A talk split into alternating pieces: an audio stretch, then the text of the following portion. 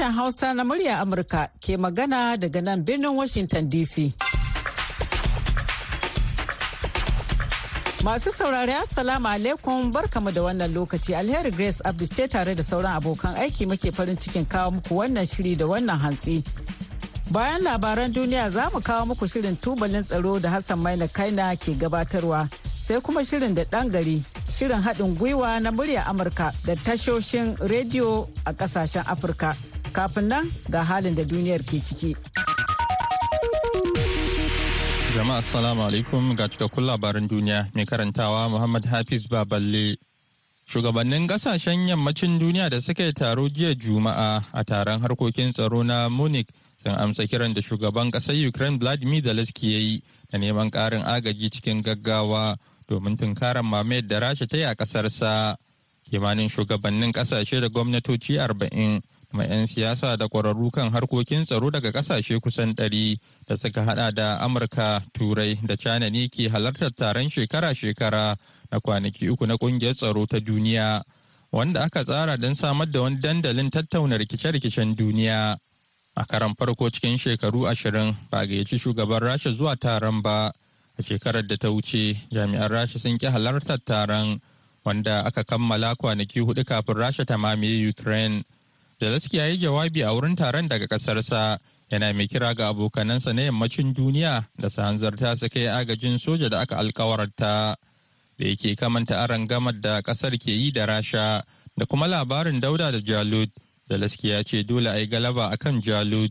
Jim kaɗan bayan nan, shugaban gwamnatin Jamus Olaf Scholz ya yi kamar ya amsa kiran inda ya buƙaci duk wasu ƙawayen da za su iya isar da tankokin yaƙi na zamani ƙirar Leopard 2 zuwa Ukraine da su yi hakan nan take. Kana ya alkawarin ba da tallafin kayan aiki ga duk wanda ya hakan. Zanga-zanga kan ƙarancin ruwa a garin Walketi da ke kudancin ƙasar Habasha ta rikide zuwa mutuwa a cewar shaidu jami'an tsaro sun buɗe wuta kan masu zanga-zangar inda suka kashe akalla mutane biyu wasu tsofaffin mata ne ɗauke da jarkokin ɗiban ruwa suka fara zanga-zanga da sanyin safiyar rana alhamis ɗin da ta gabata kuma a cewar wani ganau a hankali ta ƙaru zuwa dubban mutane. A dane kefli wani mazaunin walkete da ke wajen zanga-zangar ya shaida wa biyoyi a jiya juma'a cewa jami'an tsaro sun fara gaya wa mutane su zauna bayan sun tattauna da wasu masu zanga-zangar. Ya ce lokacin da muka zauna ba za mu iya ganin ainihin abin da ake faɗa ba kuma ba su yi mana ƙarin bayani ba. Ana cikin wannan hali ne da yake ina gaba sai suka fara harba mana barkwanon tsohuwa. Mun yi ƙoƙarin ceton kanmu sai mutane suka fara jifa da duwatsu. Bayan nan ne suka fara harbi bayan sun tarwatsa mutane. Tawagar 'yan majalisar dokokin amurka kusan hamsin ne suka halarci. Buɗe taron kwanaki uku na shekara-shekara na harkokin tsaro na munich don tabbatar da goyon bayan ɓangarorin biyu game da taimakon da amurka ke baiwa ukraine.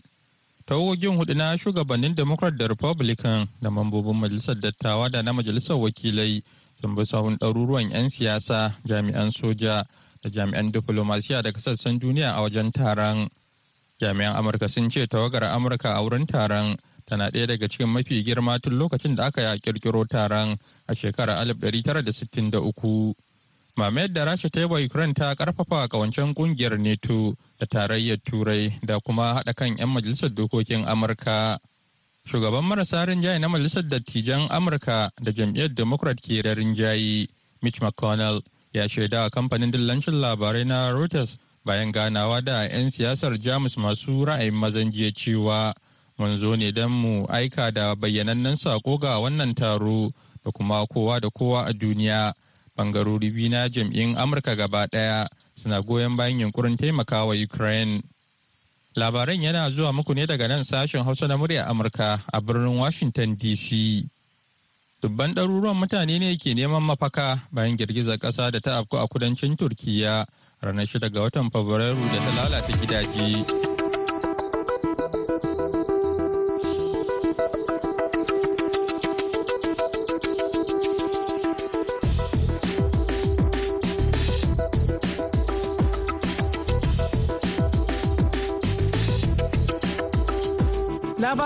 duniya kenan aka saurara daga nan sashen Hausa na murya Amurka birnin Washington DC.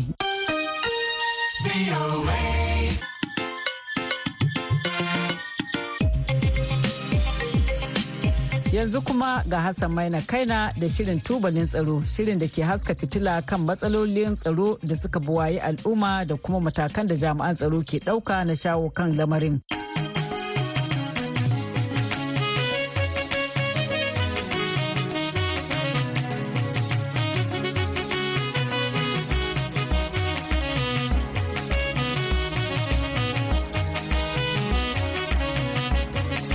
Mai sauraro Assalamu alaikum.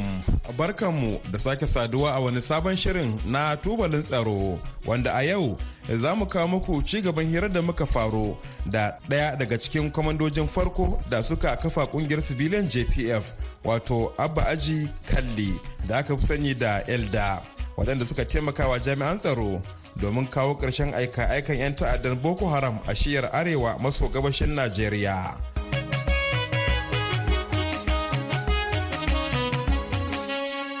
Toma Dalla. A wannan mako za mu dora ne daga inda Abba Aji Elda ke mana bayani dangane da tambayar da ne musa cewar a matsayinsa na ɗaya daga cikin kwamandojin farko da suka kafa ƙungiyar civilian JTF a jihar Borno. Ko tiyaya suke ceto mutanen da 'yan ta'addan Boko Haram suka yi garkuwa da su. Shin ana biyan kuɗin fansa ne kafin a ceto su? ana tattaunawa ne ko kwadai ana fafatawa ne kuma inda ya ci gaba da bayani inda yake cewa a daɗi lokacin da muna nan a yaƙin muke karɓo su. In muka shiga kam nasu muka tarwasa su wanda allah ya sa suna da dogon kwana za mu ceto su mu da su. Amma yanzu da brevit lalamuwa muke yi. Kuma muna amfani da su wanda suka tuba suka zo. Su muke amfani da suke magana da 'yan uwansu suke fitowa. Cikin ruwan sanyi ba ba da wani ramson ba komi. To um, alhaji abaji idan muka duba wanda kuma suke mika miya yanzu da yawa daga cikin yan boko suna yin saranda suna mika wuya. Kai a tunanin ka me za suke mika wuya ne? Allah ne ya kawo ƙarshen wannan abu da du'ayin jama'a. Amma akwai sanadi kuma. Sun zo sun gane abun ba addini ba ne yaudaran su aka yi. Manyan su kasuwanci suke da su. To yanzu da du'ayin jama'a goma da aka yi ya taso abubuwa Allah ya buɗe musu da basira. Sun zo sun gane. Suna fitowa. Kuma in Allah ya yarda na imani da Allah insha Allah rabbi. Wala kwanan nan zaka gani abubuwan da zai kare. Wasu na cewa kaman sun ji ruwan wuta ne daga sojoji. Me gaske magana? Eh wato shi akwai hanyar yujewa. Wayansu abin ba sai mun fita mun yi magana ba. Saboda yanayin tsoro. Amma gaskiyan abu ai daɗi ma suna jin wuta. Sun fito ne? Ai ba su fito ba. Amma a yanzu din da roƙon allah jama'a da allah ya sa allah ya buɗe musu fahimtarsu suka gane abu cikin tafiyan yaudara ne ya fi yawa. Suka je to ai mun ɗauki wuka mun sa a cikinmu. Mun mun kashe kasanmu. Wayansu suna rayuwa da mu suke arzika kansu. Saboda haka me yasa ba za mu ajiye makamen mu mu fito a haɗa mu da al'umma mu zauna mai zaman lafiya ba? To a yanzu da nake gaya maka suna zuwa gidana ina zuwa gidansu muna tare da su. So saboda haka wannan ma ci gaba ne. Amma wasu suna jin tsoron cewar mutum ina boko haram ya kashe mutane ya tuba ya fito a mai da su cikin jama'a. Kamar zai zama akwai baya da kura. Ba ku gana akwai? Akwai process akwai hanya da barun da zaka bi. Amma jama'a suna karɓan su? Yanzu ba kun karɓe su ba? A wai cikin anguwa ka cikin gari. Yanzu na ga maka da gidajensu da matansu suna zuna cikin gari mun karɓe su. Yan omu ne. Kuma an yafi musu abin da suke kai ba yafi so za su suna cikin gari? A ba su suna cikin gari ba amma me gaskiya maganin cewa wasu daga cikin su kaman kaman tuban muzuru suke yi. In sun fito sun gaji ne suna kala koma daji. Gaskiya ne? To tuban muzurun in mutum zai tuban muzuru zai fito ya aiki da mu? Zai sa yan wasa su fito? Amma a kuma za su tashi su taimaki gwamnati suna gwamnati ga hanya ga hanya ga hanya a yi nasara. Amma wanda suke wanda suke fito waɗannan kawo yanzu ba wanda kuka samu ya taɓa ya ya taɓa ya ƙara komawa cikin daji? Ai ba za a taru duka a lalace ba. Ba za a taru duka a lalace ba. Ni a sani na akwai wanda suka koma daji. Wannan kuma me ya sa me ya faru? Kaga in shi abu ya faru sai ka nemi mutanen da abin ya taba su.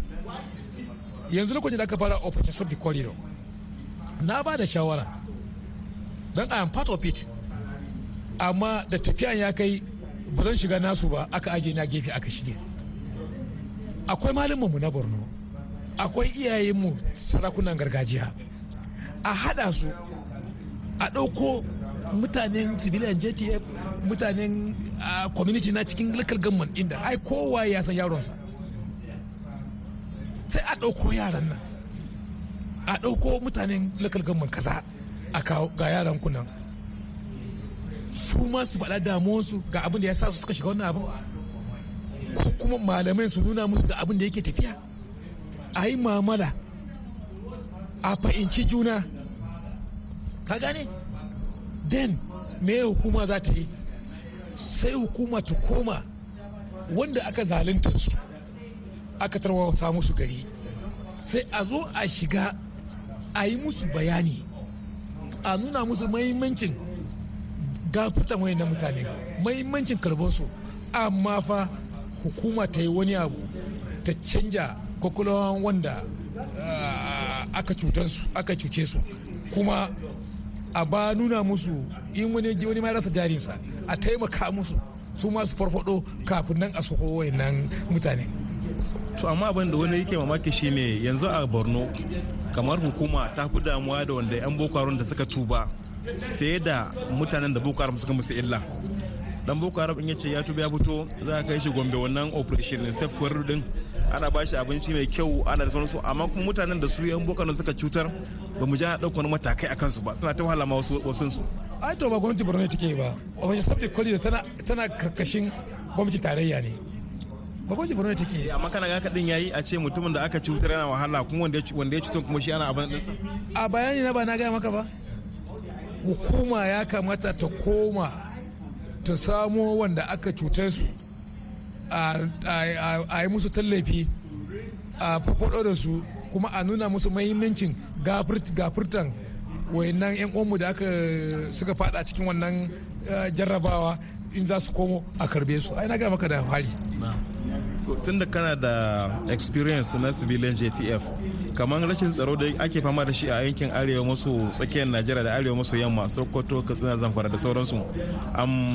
Kana ga menene su ya kamata a ce a wannan yanayin su ma an yi domin a samu dan zaman lafiya irin da aka samu a arewa maso gabas? Eto kaga mu a borno turi ne kai bango kuma sai allah ya bayyana da civilian jtf so saboda haka kafin nan ma a zo har wani abu zai faru din me hukuma ya kamata ya yi? Hukuma ya kamata ya yi adalci ya tallafa matasa. Allah ya barkaci kasanmu allah ya ba mu dukiya. Allah ya barkaci kasan nan. In shugabancin kasan nan wallahi tallahi suna da jiharmu kasarmu a zuciyarsu. Kuma sun tsaya ga sauran Allah wala ba za mu su cika ma wannan abin ba. Saboda haka su yi adalci a tallafa. Me talaka yake nema? Talaka ya samu hanya mai kyau ya samu makarantar da yaron shi zai tafi ya samu asibiti ya samu ya je ya yi nomansa ya samu hanya mai kyau da ya kayan shi kasuwa. Talaka ba shi da gwamnati. To bari ko mu duba rawan da ita rundunar kawancen dakarun ƙasashen yankin tafkin chadi wato multinational joint tax force take takawa. Kamar ya kake ganin ƙoƙarin wannan runduna? To alhamdulillah suna ƙoƙari sosai. Don yanzu ba za ka ga wani ya gudu yanzu wani aka koro shi a niger in shigo nigeria. Nigeria ta mai da ita za ta tinkare su don ana ma'amala. A ƙarshen nan za ka gani ma sojojin niger da kansu ne masu salako su yi wa nigeria din. Na najeriya zai iya sallaka ya shiga na chad zai iya sallaka to kaga an samu fahimta kuma an samu fa'idan wannan abin tafiya aiki na tafiya sosai. Kamar akwai nasarar da zaka ce an samu ƙarƙashin shi wannan babban kumanda da kai magana dazu general ak ibrahim. Ai general ak ibrahim sai dai mu ce alhamdulillah. Don an samu nasara sosai. Daɗi na ko a yanzu da yake cin kasan waje in dai abin da ya taba lecture ne mun tura mishi. Ta wata muna gani maka yana damu mu. Don cikin mintuna kaɗan zai kira ka sau biyar kwaso goma. Yaya? Ka bincika can wajen. Yaya labari? Ya wajen nan ya canju. Tsakaninsa da teta kuma da na yanzu sai dai mu ce alhamdulillah sun yi iya gwargwadon kalfinsu sun yi aiki sun kuma sabauta kasansu. Idan muka duba ruwan da sojan ruwa suke taka a yankin na can kamar me za ka so ga an ce sun an ce kogi bai kare ba? Kamar wani ɓangare ne kake ganin ya kamata su kara ko ƙoƙari ko mai da hankali ko abu? Eh to kaga yanzu kan ruwa an share wajajen. Da ka san akwai abin nan. Kan ruwa ba a iya shiga don saboda cewa an samu a riga an yanzu suna shiga ko ina kuma haɗin kai da suke da shi in bita tsakanin su da sojojin jirgin sama da wani inda inda in sun je ba za su iya tsallake su shiga ba. Suna magana a jirgin ruwa ga waje kaza a jirgin sama ga waje kaza kaza nan. Kuma a take za a gani kai wanda suke teta command a kasa wala sai mu ci alhamdulillah. In dai za mu gaya kan mu gaskiya suna iya gwagwadon ƙarfin su. In sun yi za mu ce sun yi. In ba su yi ba wala ba masu za mu ce ba su yi ba. Wala sun yi. Abaji kalli mun ba su yi ba wala za mu nuna duniya ba su yi ba. Amma kuma ai sun yi din za mu nuna duniya gashi sun yi. Don ba wanda za mu kira ni civilian ne ba amma zan ɗauki waya in kira airport waje kaza na dala jirgi tashi ko jirgi zai tashi. Ai duka haɗin kai din ne. Ni am civilian fa. Wannan zan ƙirga maka ba iyaka to sai dai mu ci alhamdulillah. To abaji kalli mun gode ƙwarai da gaske. To na gode.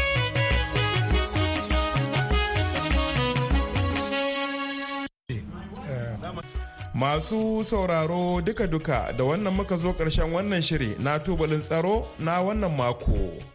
Sai kuma mako mai zuwa idan Allah ya kai mu za mu kawo muku wani sabon shirin. A madadin sashen Hausa na muryar Amurka, Solomon Abo shine wanda ya daidaita mana sauti. Sai kuma ni Hassan mai na kaina da na shirya na gabatar ke sallama da ku mu kasance lafiya. To a gaida Malam Hassan yanzu kuma ga shirinmu na gaba. Da ɗan gari. Shiri ne da sashen Hausa na muryar Amurka ke kawo muku tare da haɗin gwiwar gidajen rediyon da muke hulɗa da su.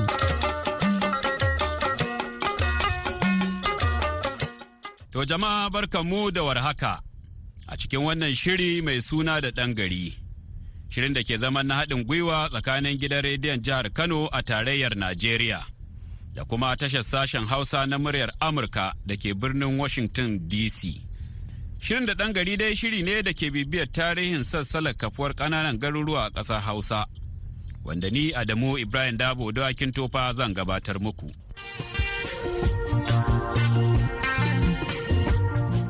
Toma Dalla Shirin da ɗan gari dai a yau ya leƙa ne garin tattarawa mai nisan kimanin kilomita uku daga babban titin Kano zuwa Katsina. A tsakanin garin kwa da kuma garin dungurawa duka a yankin karamar hukumar ta dawakin tofa.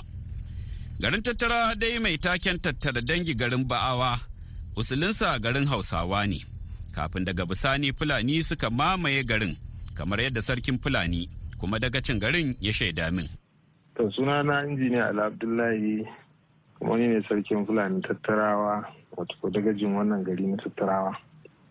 Da ke cikin karamar hukumar dajin tofa jihar kano. Wannan gari ya samo asali ne tun daga hausawan da suka kafa wasu nan garuruwa da suka hada hada kano da su gaya. Da kusan lokaci guda ita ma wannan gari na tattarawa aka kafa ta.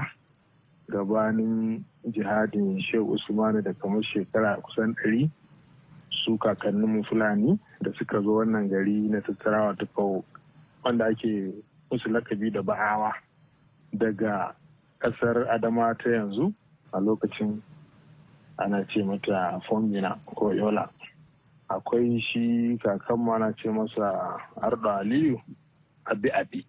Ya fara tasowa ya zo ya zauna a wannan gari na tattarawa kimanin alif ɗari bakwai da yan kai kaɗan wanda ba su kai ashirin ba. Kaga gabanin haihuwar shehu usmanu ma kenan. Domin da shi da ɗansa arɗajara duk sarakunan hatsane suka ba su wannan sarauta kafin ma bayyana shehu kenan kafin ma bayyana jihadi. To daga baya kuma ɗan uwansa ahmadu jan dauro. To shi ma ya zo ya joinin ɗin ɗan uwansa a wannan gari na tattarawa. Akwai ɗansa da ya haifa ana ce masa liman malam yati. Wanda bayan rasuwarsa shine ya gaje shi shine limamin tattarawa. Shi kuma da aliyu abi abi da ya rasu ɗansa adamu jara ya gaje shi shine harko adamu jara. To suna nan da 'ya'yansu da zuriyarsu da dabbobinsu da bayansu duka a wannan gari har lokacin da shi malam liman yati ya sha'awar da ya gurgusa ya je nan gaban gabas da bici ɗin akwai wani gari da ake cewa yola nan kwayansu yana nan. Sai tashi ya koma nan da 'ya'yansa akwai malam jibir da malam goshi. To su waɗannan malam jibir da malam goshi su ne waɗanda suka gaji shi liman yati a rasuwarsa.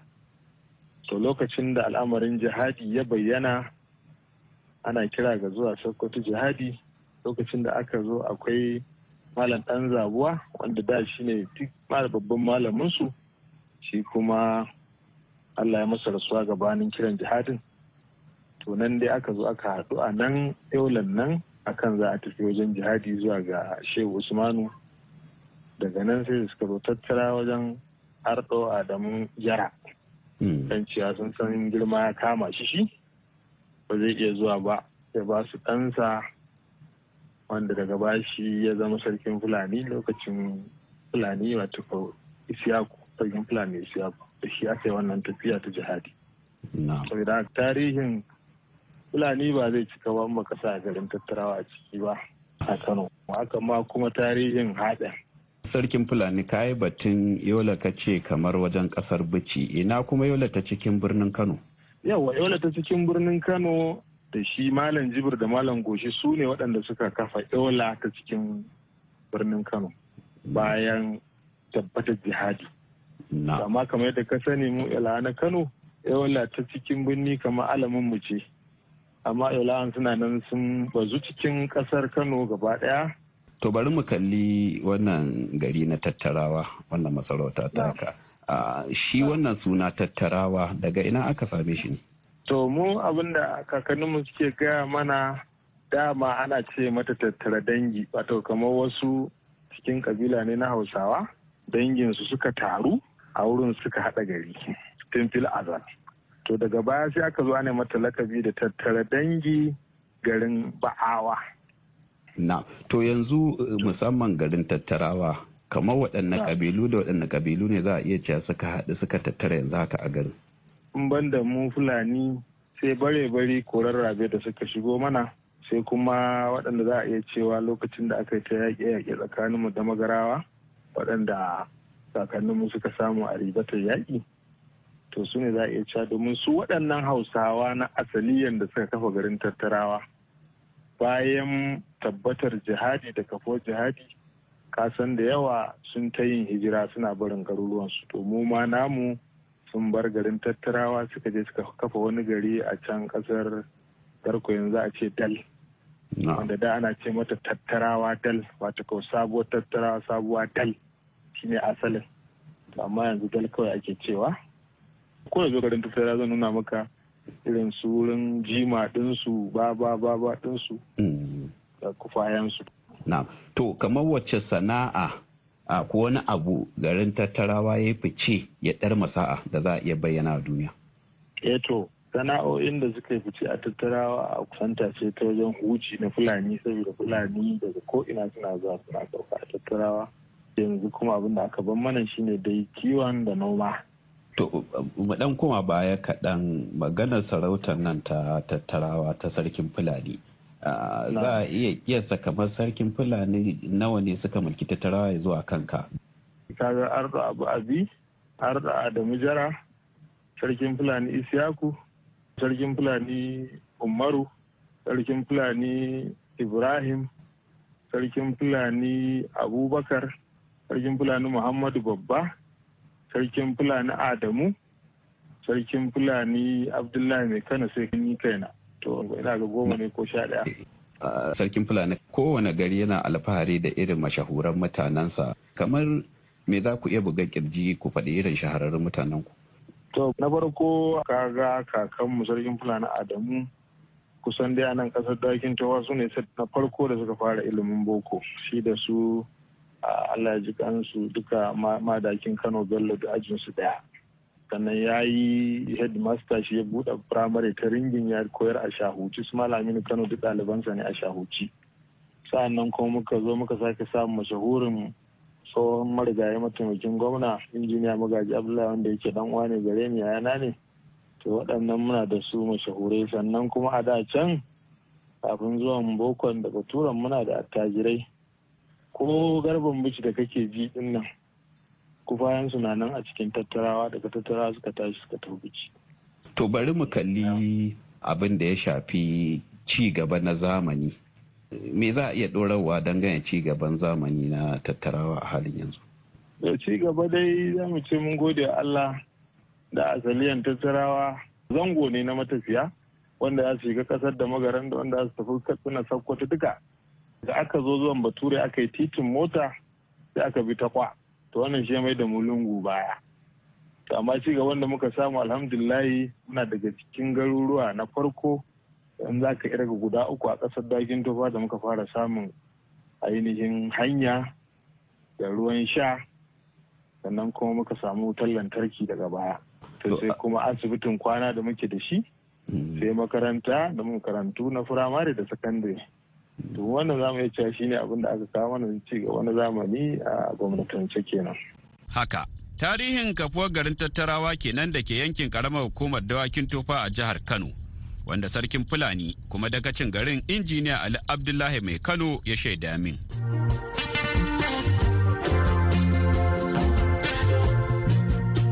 To ma sauraron mu a madadin hukumar gidan rediyon jihar kano a tarayyar najeriya. Kuma sashen Hausa na tashar muryar Amurka da ke birnin Washington DC da suka haɗa gwiwa wajen kawo muku shi wannan shiri na da ɗan gari. Ni Adamu Ibrahim Dabo dawakin tofa da na gabatar ke fatan a ci gaba da kasancewa lafiya. madalla wannan shirin na zuwa muku ne daga nan birnin Washington DC a kan mitoci 1725 da kuma 60. Ga masu sauraron mu a jamhuriyar Nijar kuma za ku iya sauraron mu kai tsaye a tashar VOA Africa kan mita 200.5. Baya ga haka, a da yaushe za ku iya zuwa shafukanmu na intanet wato voahausa.com ko kuma sashen hausa.com domin sauraron shirye-shiryenmu. Najeriya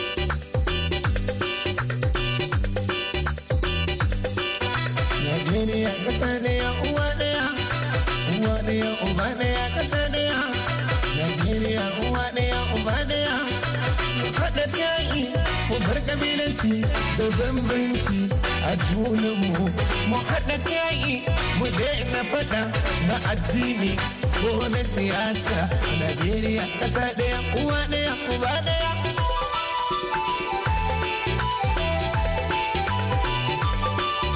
Da Hausa da Yarba da Ibo a Najeriya, Najeriya ƙasa ɗaya uwa ɗaya uba ɗaya.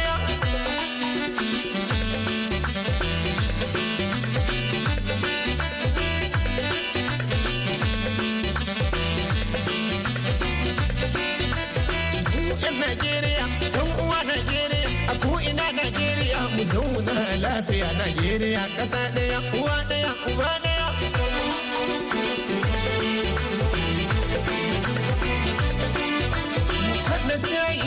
Mu bar kabilanci da bambanci, Najeriya, ƙasa ɗaya, uwa ɗaya, uba ɗaya.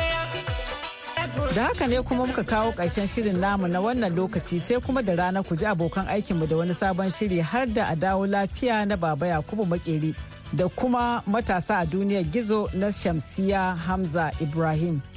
Yanzu a madadin dukan waɗanda suka ba da gudunmuwa ga nasarar wannan shirin da suka hada da Solomon Abo da hada shiri da ba da umarni, alheri ke muku fata alheri ku wani lafiya mu kuma kwana lafiya da alheri.